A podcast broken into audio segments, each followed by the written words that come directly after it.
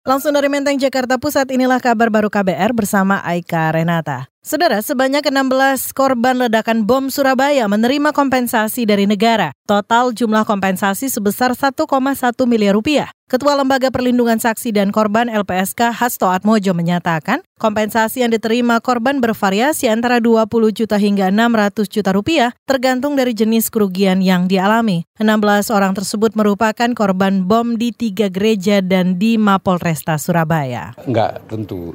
Tidak sama. Tergantung kerugian yang dialami oleh masing-masing, mulai 20 jutaan sampai 600 juta. Eh, berapa juta? 16, 16 sudah, 16 juta apa ada bertambah masih lagi? Banyak. Masih banyak banyak. Nanti masih ada lanjutan lagi nih. Saudara Ketua LPSK Hasto Mojo menyerahkan kompensasi kepada para korban di Gedung Graha di Surabaya hari ini. Kegiatan itu dihadiri juga oleh Gubernur Jawa Timur Kofifa Indar Parawansa. Selain mendapat kompensasi, korban juga akan mendapat bantuan layanan medis, psikologis, dan psikososial.